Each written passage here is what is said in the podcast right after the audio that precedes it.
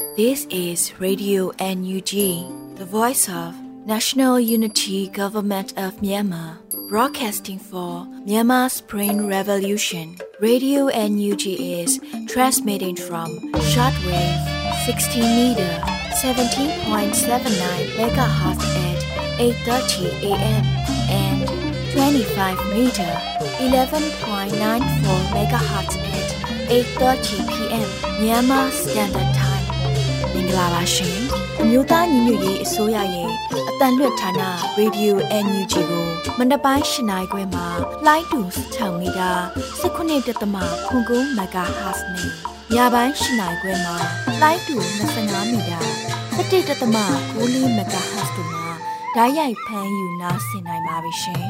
မင်္ဂလာအပေါင်းနဲ့ပြည့်စုံကြပါစေအခုချိန်ကစပြီး Radio NUG စီစဉ်လေးကိုဓာတ်ရိုက်အတန်လွှင့်ပေးနေပါပြီ မြန်မာနိုင်ငံသူနိုင်ငံသားအပေါင်းတဘာဝပြီးဆရာနာရှင်ပြီးတို့ကနေကင်းဝေးပြီးကိုစိတ်နှစ်ပါးပေးကင်းလုံးကြုံကြပါစေလို့ရေဒီယိုအန်ယူဂျီဖွဲ့သားများကဆုတောင်းမြတ်တာပို့သလာရပါတယ်ရှင်။ခုချိန်ကစပြီးကာကွယ်ရေးဝန်ကြီးဌာနရဲ့စီရေးသတင်းချင်းချုပ်ကိုတော့ຫນွေဦးလင်ကမှဖတ်ကြားတင်ပြပေးပါတော့မယ်ရှင်။ ကာကွယ်ဝင်ကြီးဌာနအမျိုးသားညီညွတ်ရေးဆိုရမှ29ရက်5လ2022ခုနှစ်ထုတ်ဝေတဲ့စီရေးသတင်းချင်းချုပ်ကိုတင်ဆက်ပေးတော့မှာဖြစ်ပါတယ်။ရေပြင်သတင်းပေးပို့ချက်တွေအရစစ်ကောင်စီတပ်သား10ဦးကြာဆုံးပြီးဒဏ်ရာရရှိသူရေးအတွက်ကိုစုံစမ်းနေဆဲဖြစ်ကြောင်းသတင်းရရှိပါရခင်ဗျာစစ်ကောင်စီနဲ့တိုက်ပွဲဖြစ်ပွားမှုသတင်းတွေကိုတင်ဆက်ပေးကြပါမယ်ကရင်ပြည်နယ်မှာမေလ28ရက်နေ့ညနေပိုင်းက တန်တောင်ကြီးမြို့နယ်ကွင်းချောင်းကျွာသို့လာတဲ့စစ်ကောင်စီတပ်သား42ဦးပါစစ်ကြောင်းကိုပြည်သူ့ကာကွယ်တပ်မတော်တောင်ငူခရိုင်တရင်အမှတ်3500တတက်ခွဲ3တက်စုနှစ်အဖွဲ့ကစောင့်ဆိုင်တိုက်ခိုက်ခဲ့ရာစစ်ကောင်စီတပ်သားဆယ်ဦးခန့်တေဆုံးခဲ့ပြီးအများအပြားထိခိုက်ဒဏ်ရာရရှိခဲ့ကြောင်းသတင်းရရှိပါရခင်ဗျာ။စကိုင်းတိုင်းမှာမေလ29ရက်နေ့မနက်8:45မိနစ်ချိန်ခန့်က ကလေးမြို့နယ်ထောက်ကျန်ကျေးရွာနောက်ဘက်မှာစစ်ကောင်စီအင်အား150နဲ့ပြည်သူ့ကာကွယ်ပူးပေါင်းတပ်ဖွဲ့တို့ထိတွေ့တိုက်ပွဲဖြစ်ပွားခဲ့ကြောင်းသတင်းရရှိပါရခင်ဗျာ။ဆက်လက်ပြီးစစ်ကောင်စီကကျူးလွန်တဲ့ရာဇဝမှုတွေကိုတင်ဆက်ပေးကြပါမယ်။ကရင်ပြည်နယ်မှာမေလ29ရက်နေ့ညနေ3:00နာရီခန့်က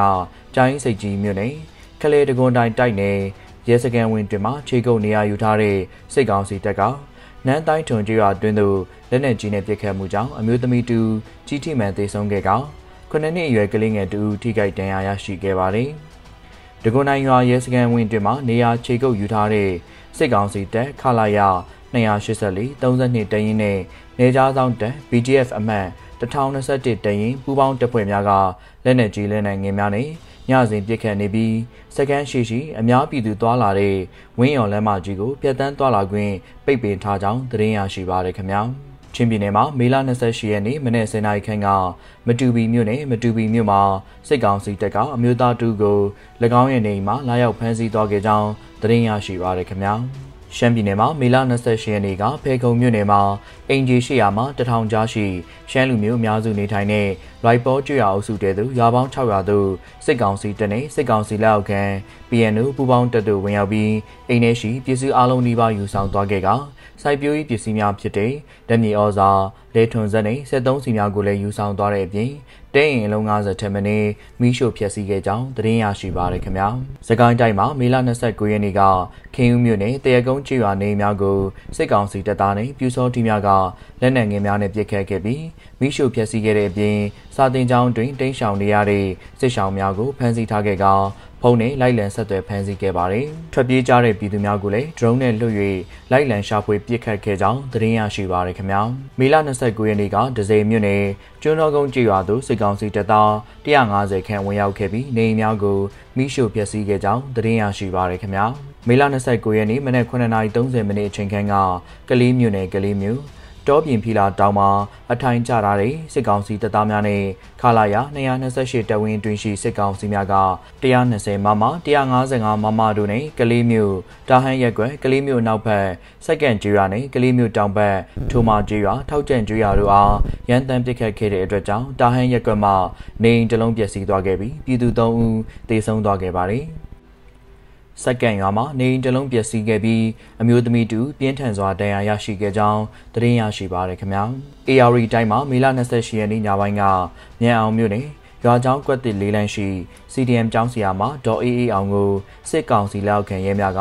ပါရိုက်ပြီးအတွင်းဆွဲခေါ်ဖမ်းဆီးသွားခဲ့ကြောင်းသတင်းရရှိပါရခင်ဗျာ တနင်္သာရီတိုင်းမှာမေလ28ရက်နေ့နေ့လယ်3နာရီခန့်က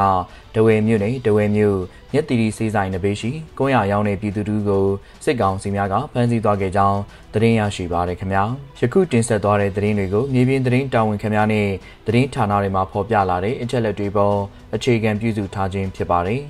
ကျွန်တော်ကတော့နေဦးလင်ပါ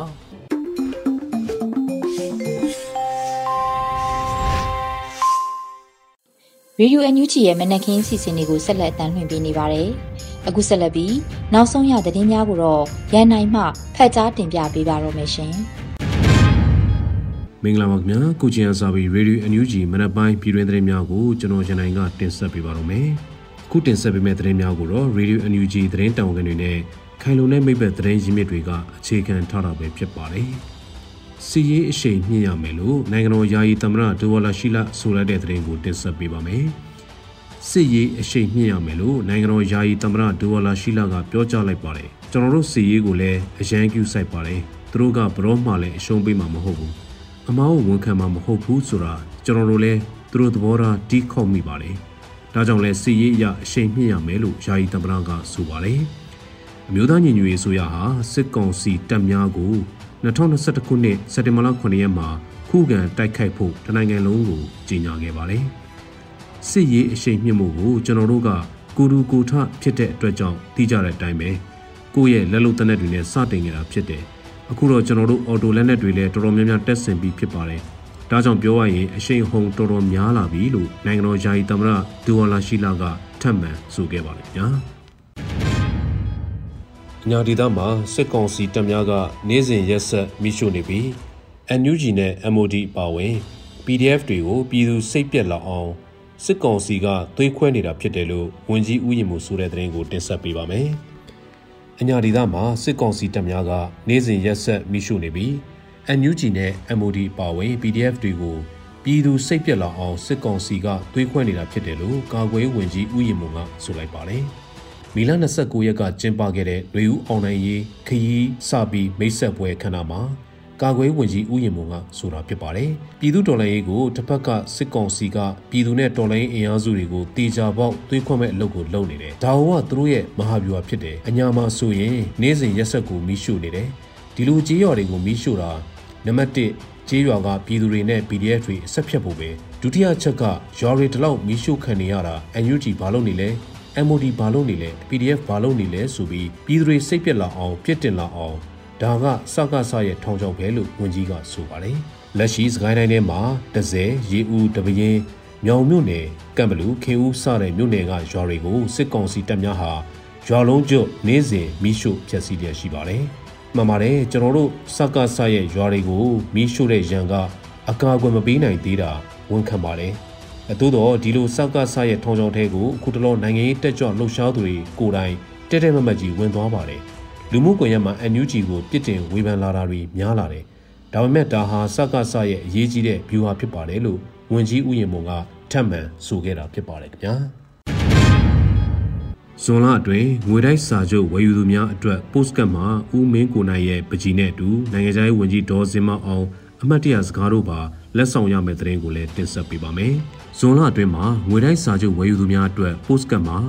ဦးမင်းကိုနိုင်ရဲ့ပကြီးနဲ့တူနိုင်ငံခြားရေးဝန်ကြီးဒေါ်စင်မောင်အောင်အမတ်တရစကားတို့ပါလက်ဆောင်ရမယ်လို့သိရပါတယ်။မေလ29ရက်မှာ United Bond ကဇွန်လအစီအစဉ်များကိုကြေညာခဲ့ပါတယ်။ဧပြီလအတွင်းပေးပို့ခဲ့တဲ့ငွေတိုက်စာချုပ်များမှာလက်ဆောင်အဖြစ်ထည့်ပေးခဲ့တဲ့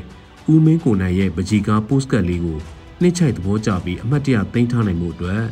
ငွေတိုင်းစာချုပ်တွေအပြေးလွှာဝယ်ယူခဲ့ကြတာကိုသိရလို့လေးစားဂုဏ်ပြုတဲ့အနေနဲ့2022ဇွန်လအတွင်းငွေတိုင်းစာချုပ်ဝယ်ယူသူများအတွက်လည်းဦးမင်းကိုနိုင်မှပကြီးကားနောက်တစ်ခုထပ်မံယူဆွဲပေးခဲ့ပါတယ်လို့ဆိုပါတယ်။ဒါပြင်မိမိတို့ရိုးသားစွာရှာဖွေထားတဲ့ငွေကြေးများနဲ့တော်လှန်ရေးအတွက်အရေးကြီးလိုအပ်တဲ့ရမုံငွေများဖြည့်ဆည်းနိုင်ဖို့ငွေတိုင်းစာချုပ်များဝယ်ယူပြီးအမျိုးသားညီညွတ်ရေးအစိုးရကိုကူညီကြတဲ့ပြည်သူများကိုတော်လှန်ရေးကာလဂုဏ်ပြုလက်ဆောင်ဖြစ်ပေးဖို့ United Bonds မှစီစဉ်ထားတဲ့ John 2022ရဲ့ postcard လေးမှာတော့ဦးမင်းကိုနိုင်ရဲ့ပကြီးနဲ့အတူပြည်သူများအတွက်အမတ်တရစကားရေးပေးတဲ့အမျိုးသားညီညွတ်ရေးအစိုးရရဲ့ပြည်ထောင်စုဝန်ကြီးကတော့နိုင်ငံခြားဝန်ကြီးဌာနရဲ့ပြည်ထောင်စုဝန်ကြီးဒေါ်စင်မောင်အောင်စကားလည်းပါဝင်မှာဖြစ်ပါတယ်ခင်ဗျာ Your Funding Japan မှာဂျပန်နိုင်ငံမှာရောဒေတာစစ်ပေးရှောင်များအတွက်လူခံရမှာဂျပန်ယန်9500ကျော်ရရှိတဲ့တဲ့ရင်ကိုတင်ဆက်ပေးပါမယ်။ Your Funding Japan မှာ ဂျပန်နိုင်ငံမှာရောဒေတာစစ်ပေးရှောင်များအတွက်လူခံရမှာဂျပန်ယန်9500ကျော်ရရှိခဲ့ပါတယ်။2022ခုနှစ်ရဲ့18ကြိမ်မြောက်လူခံခြင်းအစီအစဉ်ကို Your Funding Japan မှ Kita Sanju Station မှာမေလ29ရက်နေ့ကလှုပ်ဆောင်ခဲ့ပါတယ်။အလူငွေ66,581ယန်ကောက်ခံရရှိခဲ့ပါတယ်။ထပ်ထိုးလူရှင်တွေကြောင့်စုစုပေါင်း9581ယန်ကောက်ခံရရှိခဲ့ပါတယ်။လေကြောင်းမှပြစ်ခတ်တိုက်ခတ်ခဲ့တဲ့အတွက် နေရဆွန့်ခွာထွက်ပြေးနေရတဲ့ရောဒေတာစစ်ပေးရှောင်များကိုအဓိကထားလှူဒန်းတော့မှာဖြစ်ပါတယ်လို့သိရပါတယ်။စာနာထောက်ထားမှုနဲ့တယန်းကစအလူငွေများထည့်ဝင်ပေးခဲ့ကြတဲ့ဂျပန်ပြည်သူများဂျပန်ရောက်နိုင်ငံသားများအားလုံးကိုလည်းကျေးဇူးအထူးတင်ရှိပါတယ်လို့ Your Funny Japan ကထုတ်ပြန်ခဲ့ပါတယ်ခင်ဗျာခမာယာ9စနစ်တက်မှရှေ့တန်းမှာထွက်ပြေးလာတဲ့စကားစတပ်ဖွဲ့ဝင်3ဦးကိုကြောက်ထု PDF YRPA က၎င်းတို့သွားလို့ရအောင်ကို ပို့ဆောင်ပေးခဲ့တဲ့သတင်းကိုလည်းတင်ဆက်ပေးပါမယ်ခမာယာ900စနစ်တက်မှရှေ့တန်းမှာထွက်ပြေးလာတဲ့စကားစတပ်ဖွဲ့ဝင်3ဦးကိုကြောက်ထု PDF YRPA က၎င်းတို့သွားလို့ရဘေးကင်းရာကိုပို့ဆောင်ပေးခဲ့တယ်လို့သတင်းရရှိပါတယ်။အဲဒီထွက်ပြေးလာတဲ့စစ်ကောင်စီတပ်ဖွဲ့ဝင်၃ဦးဟာကြောက်ထုမှပခုတ်ကူကိုထွက်ခွာလာတဲ့စစ်ကောင်စီတပ်ဖွဲ့အစီး80ကျော်ရင်းနှံအတွက်ရှေးပြေးစစ်ကောင်စီတပ်ဖွဲ့ဝင်များတွေကဖြစ်ပါတယ်။ရှေးပြေးစစ်ကောင်စီတပ်ဖွဲ့ဝင်100ကျော်တွေကထွက်ပြေးလာတဲ့ စစ်ကောင်စီတပ်ဖွဲ့ဝင်များကိုကြောက်ထုပခုတ်ကူလမ်းပိုင်းတနေရာမှာကြောက်ထု PDF YRPA ကဖမ်းဆီးရမိခဲ့ခြင်းဖြစ်ပါတယ်။၎င်းတို့ထံမှာလက်နက်မပါခဲ့တဲ့တိုင်ကောင်းမွန်စွာဖြင့်အထီးကိမရှိ၎င်းတို့သွားလူရာဘေးကင်းရာကိုပို့ဆောင်ပေးခဲ့တယ်လို့ကြောက်တု PDF ကသတင်းထုတ်ပြန်ပါတယ်။လက်နက်ပြည်စုံတဲ့စစ်ကောင်စီတပ်များထွက်ခွာလာပါကစုချင်းငွေကျပ်သိန်း80ကိုပါပေးရခြင်းမြန်မာဖြစ်တဲ့အတွက်ကြောင့်ထွက်ခွာလူသူများအနေနဲ့ကြောက်တု PDF YRPA ထံ ဆက်သွယ်အကူအညီတောင်းခံနိုင်တယ်လို့ဆိုပါတယ်ခင်ဗျာ။ Federal Mojo လက်နက်ကြီးကိုရေစကြို PDF ထုတ်လုပ်အောင်မြင်တဲ့သတင်းကိုလည်းတင်ဆက်ပေးပါဦးမယ်။ Federal Mojo လက်နက်ကြီးကိုရေစကြို PDF ထုတ်လုပ်အောင်မြင်တယ်လို့သတင်းရရှိပါတယ်။မီလာနောက်ဆုံးပတ်မှာ Federal Mojo ကိုစမ်းသက်ပစ်ခတ်အောင်မြင်တယ်လို့ရေစကြို PDF ကဆိုပါတယ်အသက်တွေနဲ့ရင်းပြီးထုတ်လုပ်လိုက်စမ်းသက်လိုက်နဲ့ဇွဲမလျှော့ပဲစူးစမ်းခဲ့ခြင်းတွေရဲ့အသီးပွင့်တွေဖူးပွင့်ဝေစားခဲ့ပါပြီ တာဝေးတာနီနှစ်မျိုးစလုံးပြစ်ခတ်နိုင်တဲ့လက်နက်ကြီးနည်းပညာကိုအောင်မြင်စွာစမ်းသပ်ထုတ်လုပ်နိုင်ခဲ့ပါပြီ Federal Democracy တိုက်ပွဲအတွက်အသုံးတော်ခံမှာဖြစ်တဲ့အတွက်ကြောင့် Federal Mojo လို့နာမည်ပေးထားတာဖြစ်ပါတယ်လို့ဆိုပါတယ်။အကြမ်းဖက်စစ်အုပ်စုတွေရှိရာအရက်ကို Federal မိုးကြိုးတွေပြစ်ချဖို့အတွက်အမြောင်များထုတ်လုပ်နိုင်ဖို့အတွက်ကရန်ပုံငွေတွေအဓိကလိုအပ်လျက်ရှိတယ်လို့သိရပါတယ်။ကျွန်တော်တို့ရေစကြို PDF ကလက်တွေ့စစ်မြေပြင်ကရန်သူအကြမ်းဖက်စစ်ကောင်စီကို သတိဝရိယကြီးကြီးနဲ့ရင်ဆိုင်တိုက်ခိုက်နေတယ်လို့ရေရှည်စစ်ပွဲအတွက်လည်းလိုအပ်တဲ့စစ်အင်အားစစ်ပညာများကိုစနစ်တကျစီးကျုံလေ့ကျင့်နေပြီးမရှိမဖြစ်အရေးကြီးဆုံးသောစစ်လက်နက်များတပ်ဆင်ရေးအတွက်လည်းဒီဇိုင်းမမတ်စ조사ထုတ်လို့ရင်စစ်ကိုစစ်လူတိုက်ဖို့စစ်ဗျူဟာကြကြပြင်ဆင်နေပါတယ်လို့လည်းရေစယို PDF ကထပ်မံဆိုခဲ့ပါတယ်ခင်ဗျာမြောင်မြို့နယ်ဇီယကုန်းကြီးရွာကိုစစ်ကောင်စီတပ်မိရှုဖျက်ဆီးတဲ့တဲ့ရင်ကိုလည်းတင်ဆက်ပေးပါမယ်။ စကိုင်းတိုင်းမြောင်မြို့နယ်ဇီယကုန်းကြီးရွာကိုစစ်ကောင်စီတပ်ကမိရှုဖျက်ဆီးခဲ့ပါတယ်။မြောင်မြို့နယ်ဇီယကုန်းကြီးရွာကိုအကြမ်းဖက်စစ်ကောင်စီတပ်ဖွဲ့တွေကမီလ29ရက်မနက်9နာရီခွဲကဝင်ရောက်မိရှုဖျက်ဆီးခဲ့တယ်လို့တော်လိုင်းအင်အားစုများထံကသတင်းရရှိပါတယ်။ဒေသခံတွေရဲ့ပြောကြားချက်အရမိသားစု52စုရဲ့အိုးအိမ်ပေါင်း100လောက်မိလောင်ပျက်စီးခဲ့တယ်လို့ဆိုပါတယ်။အကြမ်းဖက်စစ်ကောင်စီတပ်တွေဟာဇေယကုန်းရွာကိုမိရှို့ဖျက်ဆီးခဲ့ပြီးတဲ့နောက်မကြီးကန်ကြေးရွာကိုလည်းဝင်ရောက်ခါ ထပ်မံမိရှို့ခဲ့ကြပါတယ်ခင်ဗျာ။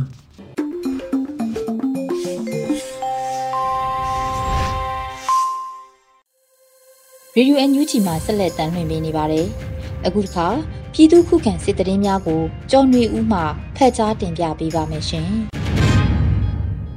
ပထမဆုံးအနေနဲ့ပလဲမှာစစ်တပ်စစ်ကြောင်းပစ်ခတ်တိုက်ခိုက်ခံရပြီးစစ်သား3ဦးသေဆုံးတဲ့တဲ့ရင်တင်ဆက်ပါမယ်။ စကိုင်းတိုင်းပလဲမြို့နယ်ငကမတောင်အနီးအကြမ်းဖက်စစ်တပ်စစ်ကြောင်းကိုဒေသခံကာကွယ်တပ်ဖွဲ့များကမေလ28ရက်နေ့မွန်လွယ်တနာရီခန့်မှာပစ်ခတ်တိုက်ခိုက်ခဲ့ပြီးစစ်သား3ဦးသေဆုံးခဲ့ကြောင်းသိရပါဗျ။အကြမ်းဖက်စစ်တပ်စစ်ကြောင်းကို Pele People's Defense Force Headquarters ပလဲတရင်နှင့် God of မြိုင်မြိုင် Hero Generation လင်းယုံအဖွဲ့နဲ့မုံရွာ People Defense Force MPDF အဖွဲ့များကပူးပေါင်းတိုက်ခိုက်ခဲ့ခြင်းဖြစ်ပြီး မိနစ်30ခန့်အပြန်အလှန်ပစ်ခတ်မှုဖြစ်ပွားခဲ့က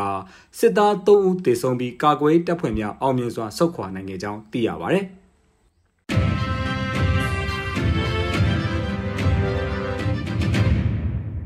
ဆက်လက်ပြီးကနီမာကြေးရွာများကိုမီးရှို့နေတဲ့စစ်တပ်နဲ့ကာကွယ်တပ်ဖွဲ့များတိုက်ပွဲဖြစ်ပွားစစ်သား15ဦးသေဆုံးတဲ့တဲ့တင်တင်ဆက်မှာပါ။ စကိုင်းတိုင်းကနီမြို့နယ်မှာကြေးရွာများကိုမီးရှို့နေတဲ့အကြမ်းဖက်စစ်တပ်စစ်ကြောင်းနဲ့ဒေသခံကာကွယ်တပ်ဖွဲ့မေလ28ရက်နေ့နနက်ပိုင်းမှာတိုက်ပွဲဖြစ်ပွားခဲ့ပြီးစစ်သား15ဦးသေဆုံးခဲ့ကြောင်း MPDF ဒီမိုတက်ခွဲထံမှသိရပါဗျ။အကြမ်းဖက်စစ်ကောင်စီစစ်ကြောင်းကိုမေလ28ရက်နေ့နနက်9:00နာရီခန့်မှာ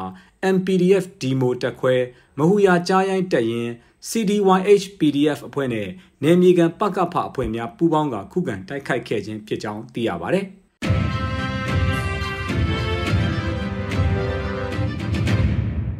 တန်တောင်ကြီးမှာစစ်တပ်စစ်ကြောင်းမိုင်းဆွဲတိုက်ခိုက်ခံရပြီးစစ်သား10ဦးထပ်မံတေဆုံးတဲ့တဲ့ရင်ဆက်လက်တင်ဆက်ပါမယ်။ကရင်ပြည်နယ်တန်တောင်ကြီးမြို့နယ်ကြောက်တကားကြီးရွာအုပ်စုကွင်းချောင်းရွာမှပြန်လာတဲ့အင်အား42ဦးပါတဲ့အကြမ်းဖက်စစ်တပ်စစ်ကြောင်းကိုဒေသခံကာကွယ်တပ်ဖွဲ့ကမေလ28ရက်နေ့မှာမိုင်းဆွဲတိုက်ခိုက်ခဲ့ပြီးစစ်သား10ဦးထပ်မံတေဆုံးခဲ့ကြောင်းရေတာရှင်မြို့နယ်ပြည်သူ့ကာကွယ်တပ်ဖွဲ့ခွဲနှစ်ထံမှသိရပါဗျ။အကြမ်းဖက်စစ်တပ်စစ်ကြောင်းဟာကွင်းချောင်းကြီးရွာမှအပြန် 34ကွင်းအထွက်မှာတောင်ငူခရိုင်တပ်ရင်းအမှတ်3531တက်ခွဲ3တက်စုနှစ်ရှားလော်ဦးဆောင်တဲ့တပ်ဖွဲ့မှမိုင်းဆွဲတိုက်ခိုက်ခဲ့ခြင်းဖြစ်ကြောင်းသိရပါဗျ။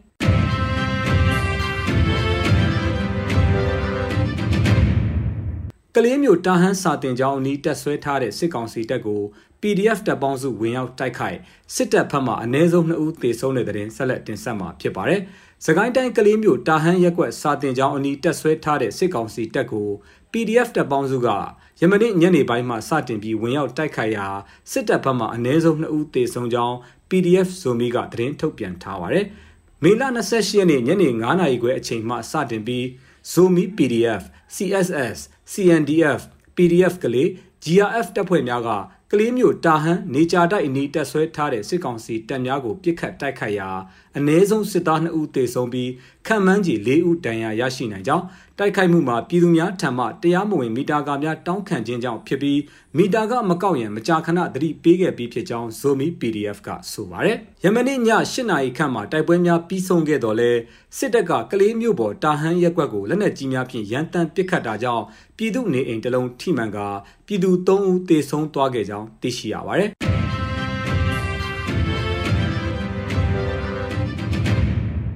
နောက်ဆုံးအနေနဲ့အမျိုးသားညီညွတ်ရေးအစိုးရပြည်ထရေးနဲ့လူဝင်မှုကြီးကြပ်ရေးဝန်ကြီးဌာနက2022ခုနှစ်မေလ29ရက်ရက်စွဲနဲ့ထုတ်ပြန်ခဲ့တဲ့ပြည်သူ့ခုခံတော်လှန်စစ်တရင်အချက်လက်တွေကိုတင်ဆက်ပေးသွားမှာပါ။အာနာသိန်းအကြမ်းဖက်စေအုပ်စုရဲ့ပြည်သူလူထုအပေါ်အကြမ်းဖက်ဖိနှိပ်ဖန်ဆီးတိုက်ခိုက်တပ်ဖြတ်နေမှုများကိုပြည်သူလူထုတရက်လုံးကအသက်ရှင်တန်ရေးအတွက်မိမိကိုယ်ကိုမိမိခုခံကာကွယ်ပိုင်ခွင့်အရာပြည်သူခုခံစစ် People's Defensive Force ကိုဆင်နွှဲလျက်ရှိပါတယ်။ သတင်းအချက်အလက်များအရ2022ခုနှစ်မေလ28ရက်စနေနေ့မှာစစ်ကောင်စီတပ်ဖွဲ့ဝင်49ဦးသေဆုံးပြီးထိခိုက်ဒဏ်ရာရရှိသူ18ဦးအထိခုခံတိုက်ခိုက်နိုင်ခဲ့ပါတယ်။စစ်အာဏာရှင်စနစ်မြမအမြေပေါ်မှာအပြည့်တိုင်ချုပ်ငင်းရင်းနဲ့ Federal Democracy တည်ဆောက်ရေးအတွက်ငြိမ်းချမ်းစွာဆန္ဒပြတဲ့လူထုတပိတ်တိုက်ပွဲများကပြည်내နဲ့တိုင်းဒေသကြီးများမှာဆက်လက်ဖြစ်ပွားပေါ်ပေါက်လျက်ရှိပါတယ်။မြေပြင်မှာတော့ယခုတွေ့ရတဲ့သတင်းချက်လက်များထက်ပို၍ဖြစ်ပွားနိုင်ပါတယ်ခင်ဗျာ။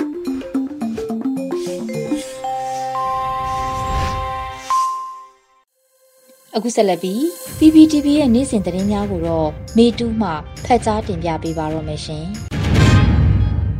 မအဆုံးတင်ဆက်ပေးမှာကတော့အမေရိကန်ပြည်ထောင်စုတန်နက်စီပြည်နယ်မှာအမျိုးသားညီညွတ်ရေးအစိုးရငွေတိုက်စာချုပ်အယောင်ပွဲပြုလုပ်ခဲ့တဲ့ဆိုတဲ့သတင်းမှာစီမံကိန်းဗန်နာရေးနဲ့ယင်းနှမြုံနယ်မှုဝင်ကြီးဌာနကဦးစီးရောင်းချတဲ့ အမျိုးသားညီညွတ်ရေးအစိုးရငွေတိုက်စာချုပ်အယောင်ပွဲကိုအမေရိကန်ပြည်ထောင်စုတန်နက်စီပြည်နယ် Nashville မြို့မှာဒီကနေ့မနက်ကပြုလုပ်ခဲ့ကြပါတယ်။အရန်ထူးကြတာကတိုင်းရင်းသားနာမည်တွေချီလိုလိုတွေ့ရတဲ့ပွဲပါပဲ။တိုင်းရင်းသားတွေရဲ့ NUG ပေါ်ယုံကြည်ပေးမှုကိုခံစားရမိစေတဲ့ပွဲလေးအဖြစ်အမှတ်တရရှိနေမှာပါ NUG ဘွန်းဆိုတာဘာလဲဆိုတဲ့မေးခွန်းတွေကိုဖြေကြားရင်းမြို့ကန်တိုင်းရင်းသားခေါင်းဆောင်တွေရဲ့တက်ကြွစွာလှုံ့ဆော်မှုတွေကြောင့်ကျင်းတဲ့ဖွယ်ရအောင်မြင်ခဲ့တဲ့ပွဲလေးပါလို့အယောင်ပွဲပြုလုပ်ခဲ့တဲ့မက်ပန်ဆယ်လိုကပြောပါတယ်။ Tennessee ပြည်နယ် Nashville မြို့မှာမြန်မာကျပ်ငွေသိန်းတစ်ထောင်ဝန်းကျင်တန်ဖိုးထိငွေတိုက်စာချုပ်တွေကိုရောင်းချထားနိုင်ခဲ့တာဖြစ်တယ်လို့လည်းပြောပါတယ်။နောက်ရက်တွေမှာ ကင်တက်ကီပြည်နယ်ဘိုလင်ဂရင်းမြို့မှာမြို့သားညီညွတ်ရေးအစိုးရငွေတိုက်စာချုပ်အယောင်ပွဲပြုလုပ်မှာဖြစ်ပြီးတော့တိုင်းရင်းသားညီအကိုမောင်နှမတွေလာရောက်ကြဖို့အတွက်ဖိတ်ခေါ်ထားတာလည်းတွေ့ရပါတယ်ရှင်ဆက်လက်တင်ဆက်ပေးမှာကတော့နွေဦးတက္ကသိုလ်မှာရခိုင်ကရင်နဲ့ရှမ်းဘာသာစကားသင်တန်းတွေတက်ရောက်နိုင်ပြီဆိုတဲ့သတင်းမှာ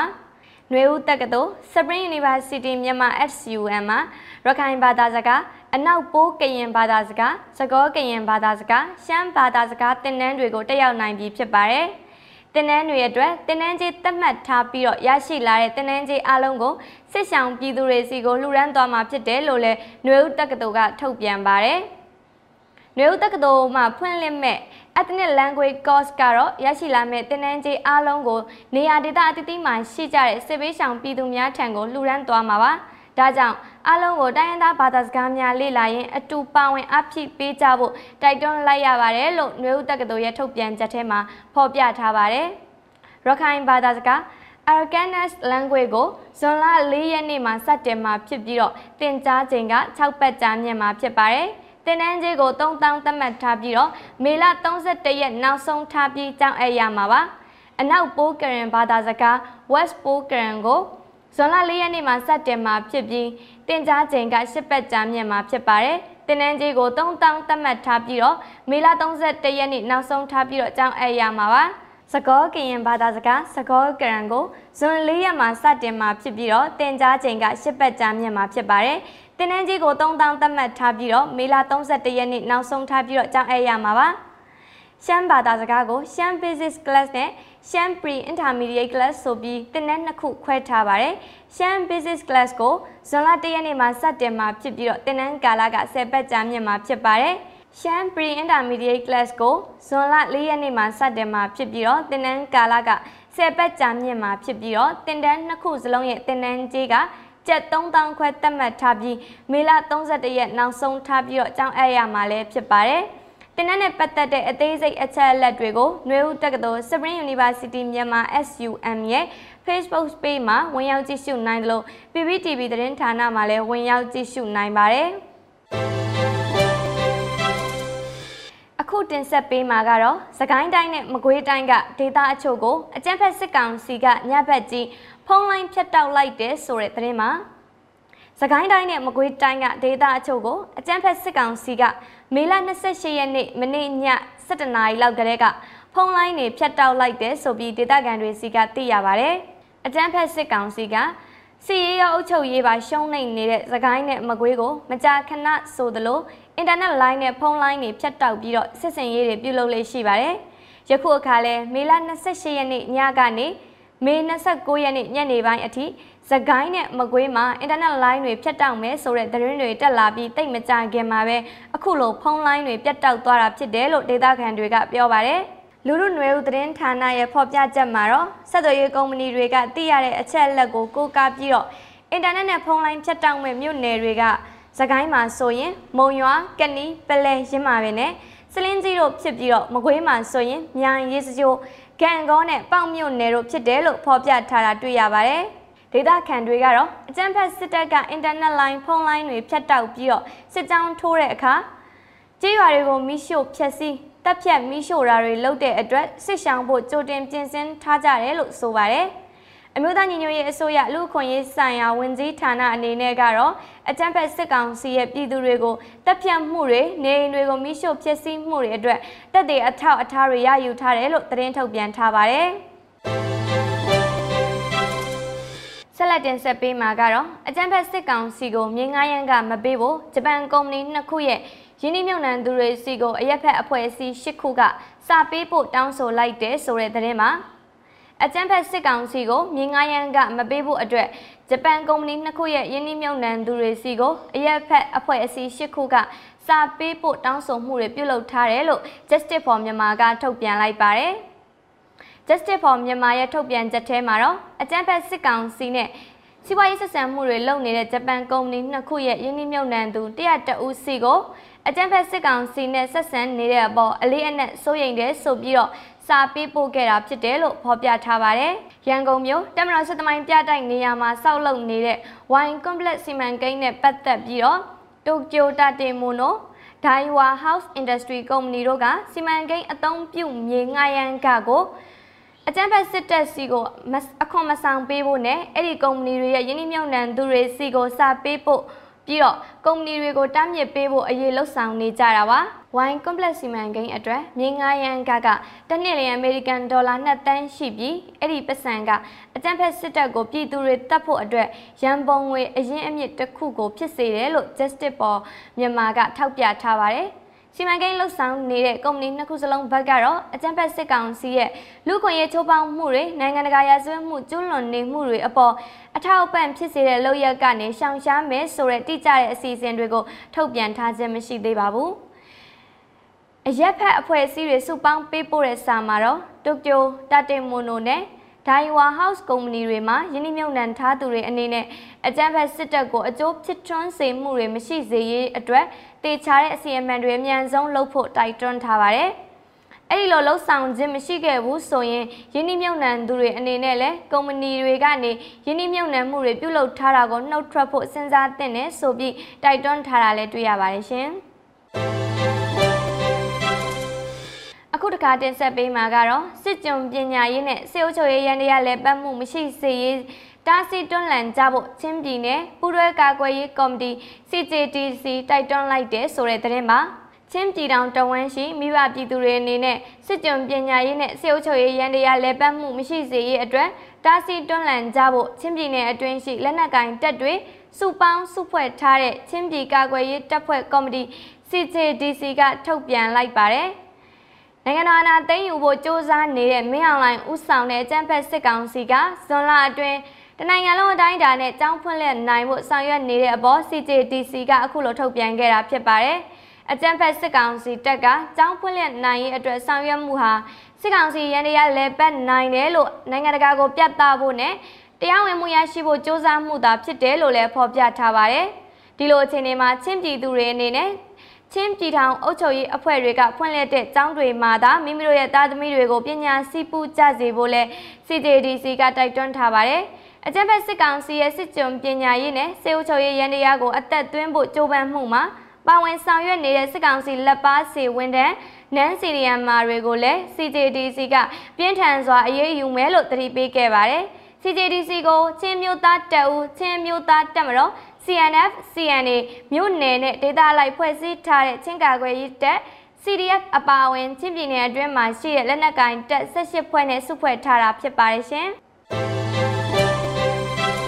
အခုနောက်ဆုံးအနေနဲ့မြန်မာနိုင်ငံတဝန်းကလူမျိုးပေါင်းစုံဘာသာပေါင်းစုံပါဝင်တဲ့ဆရာနာရှင်အမြင့်ပြည့်ချင်းမုံရေးလူလူဆန္ဒပြပွဲသတင်းတွေကိုစူးစီးတင်ဆက်ပေးမှာဖြစ်ပါတယ်။စကိုင်းတိုင်းမုံရွာမြို့မှာတော်လန်လူငယ်တွေကဆရာနာရှင်စန့်ကျင်ရေးလှုပ်ရှားမှုကိုဒီကနေ့မနက်မှာပြုလုပ်ခဲ့ကြပါတယ်။ တော်လန်ကျောင်းသားလူငယ်တွေကမုံရွာမြို့နယ်အမှတ်လေးအခြေခံပညာထက်တန်းကျောင်းရှိမှာ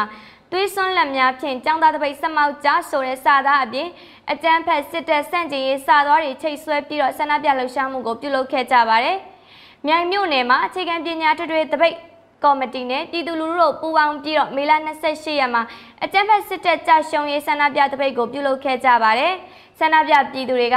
ငါတို့အားလုံးလုံးဝသွေးမအေး ဖက်စစ်တော်လန်ရေးစာသားကိုကင်ဆောင်ပြီးတော့အကြမ်းဖက်စစ်တပ်ကြာရှုံးရေးဟစ်ကြွေးမှုတွေနဲ့ဆန္ဒပြချီတက်ခဲ့ကြတာပါ။ဒါကတော့မေလ29ရက်နေ့သတင်းတွေနဲ့လူလူဆန္ဒပြပွဲသတင်းတွေကိုစူးစီးတင်ဆက်ပေးခဲ့တာဖြစ်ပါတယ်။ဒီကနေ့ကတော့ဒီညနေပဲ Radio NUG ရဲ့အစီအစဉ်လေးကိုခေတ္တရ延လိုက်ပါမယ်ရှင်မြန်မာစံတော်ချိန်မနေ့၈နိုင်ခွဲနဲ့ည၈နိုင်ခွဲအချိန်တွေမှာပြောင်းလဲဆိုပြကြပါလို့ရှင် Radio NUG ကို မနေ့ပိုင်း၈နိုင်ခွဲမှာလိုင်းတူ16မီတာ19.7ခုခုမဂါဟတ်နဲ့ညပိုင်း၈နိုင်ခွဲမှာလိုင်းတူ25မီတာ17.6မဂါဟတ်တို့မှာဓာတ်ရိုက်ဖမ်းယူနာဆင်နိုင်ပါပြီရှင်။မြန်မာနိုင်ငံသူနိုင်ငံသားများကိုစိတ်နှဖျားစမ်းမချမ်းသာလို့ဘေးကင်းလုံခြုံကြပါစေလို့ Radio NUG ရဲ့ဖွဲ့သူဖွဲ့သားများကဆုတောင်းလိုက်ရပါတယ်။ San Francisco Bay Area အခြေစိုက်မြန်မာမိသားစုများနိုင်ငံတကာကစေတနာရှင်များလို့အားပေးမြရဲ့ Radio NUG ဖြစ်ပါတယ်ရှင်။အရေးတော်ပုံအောင်ရမည်။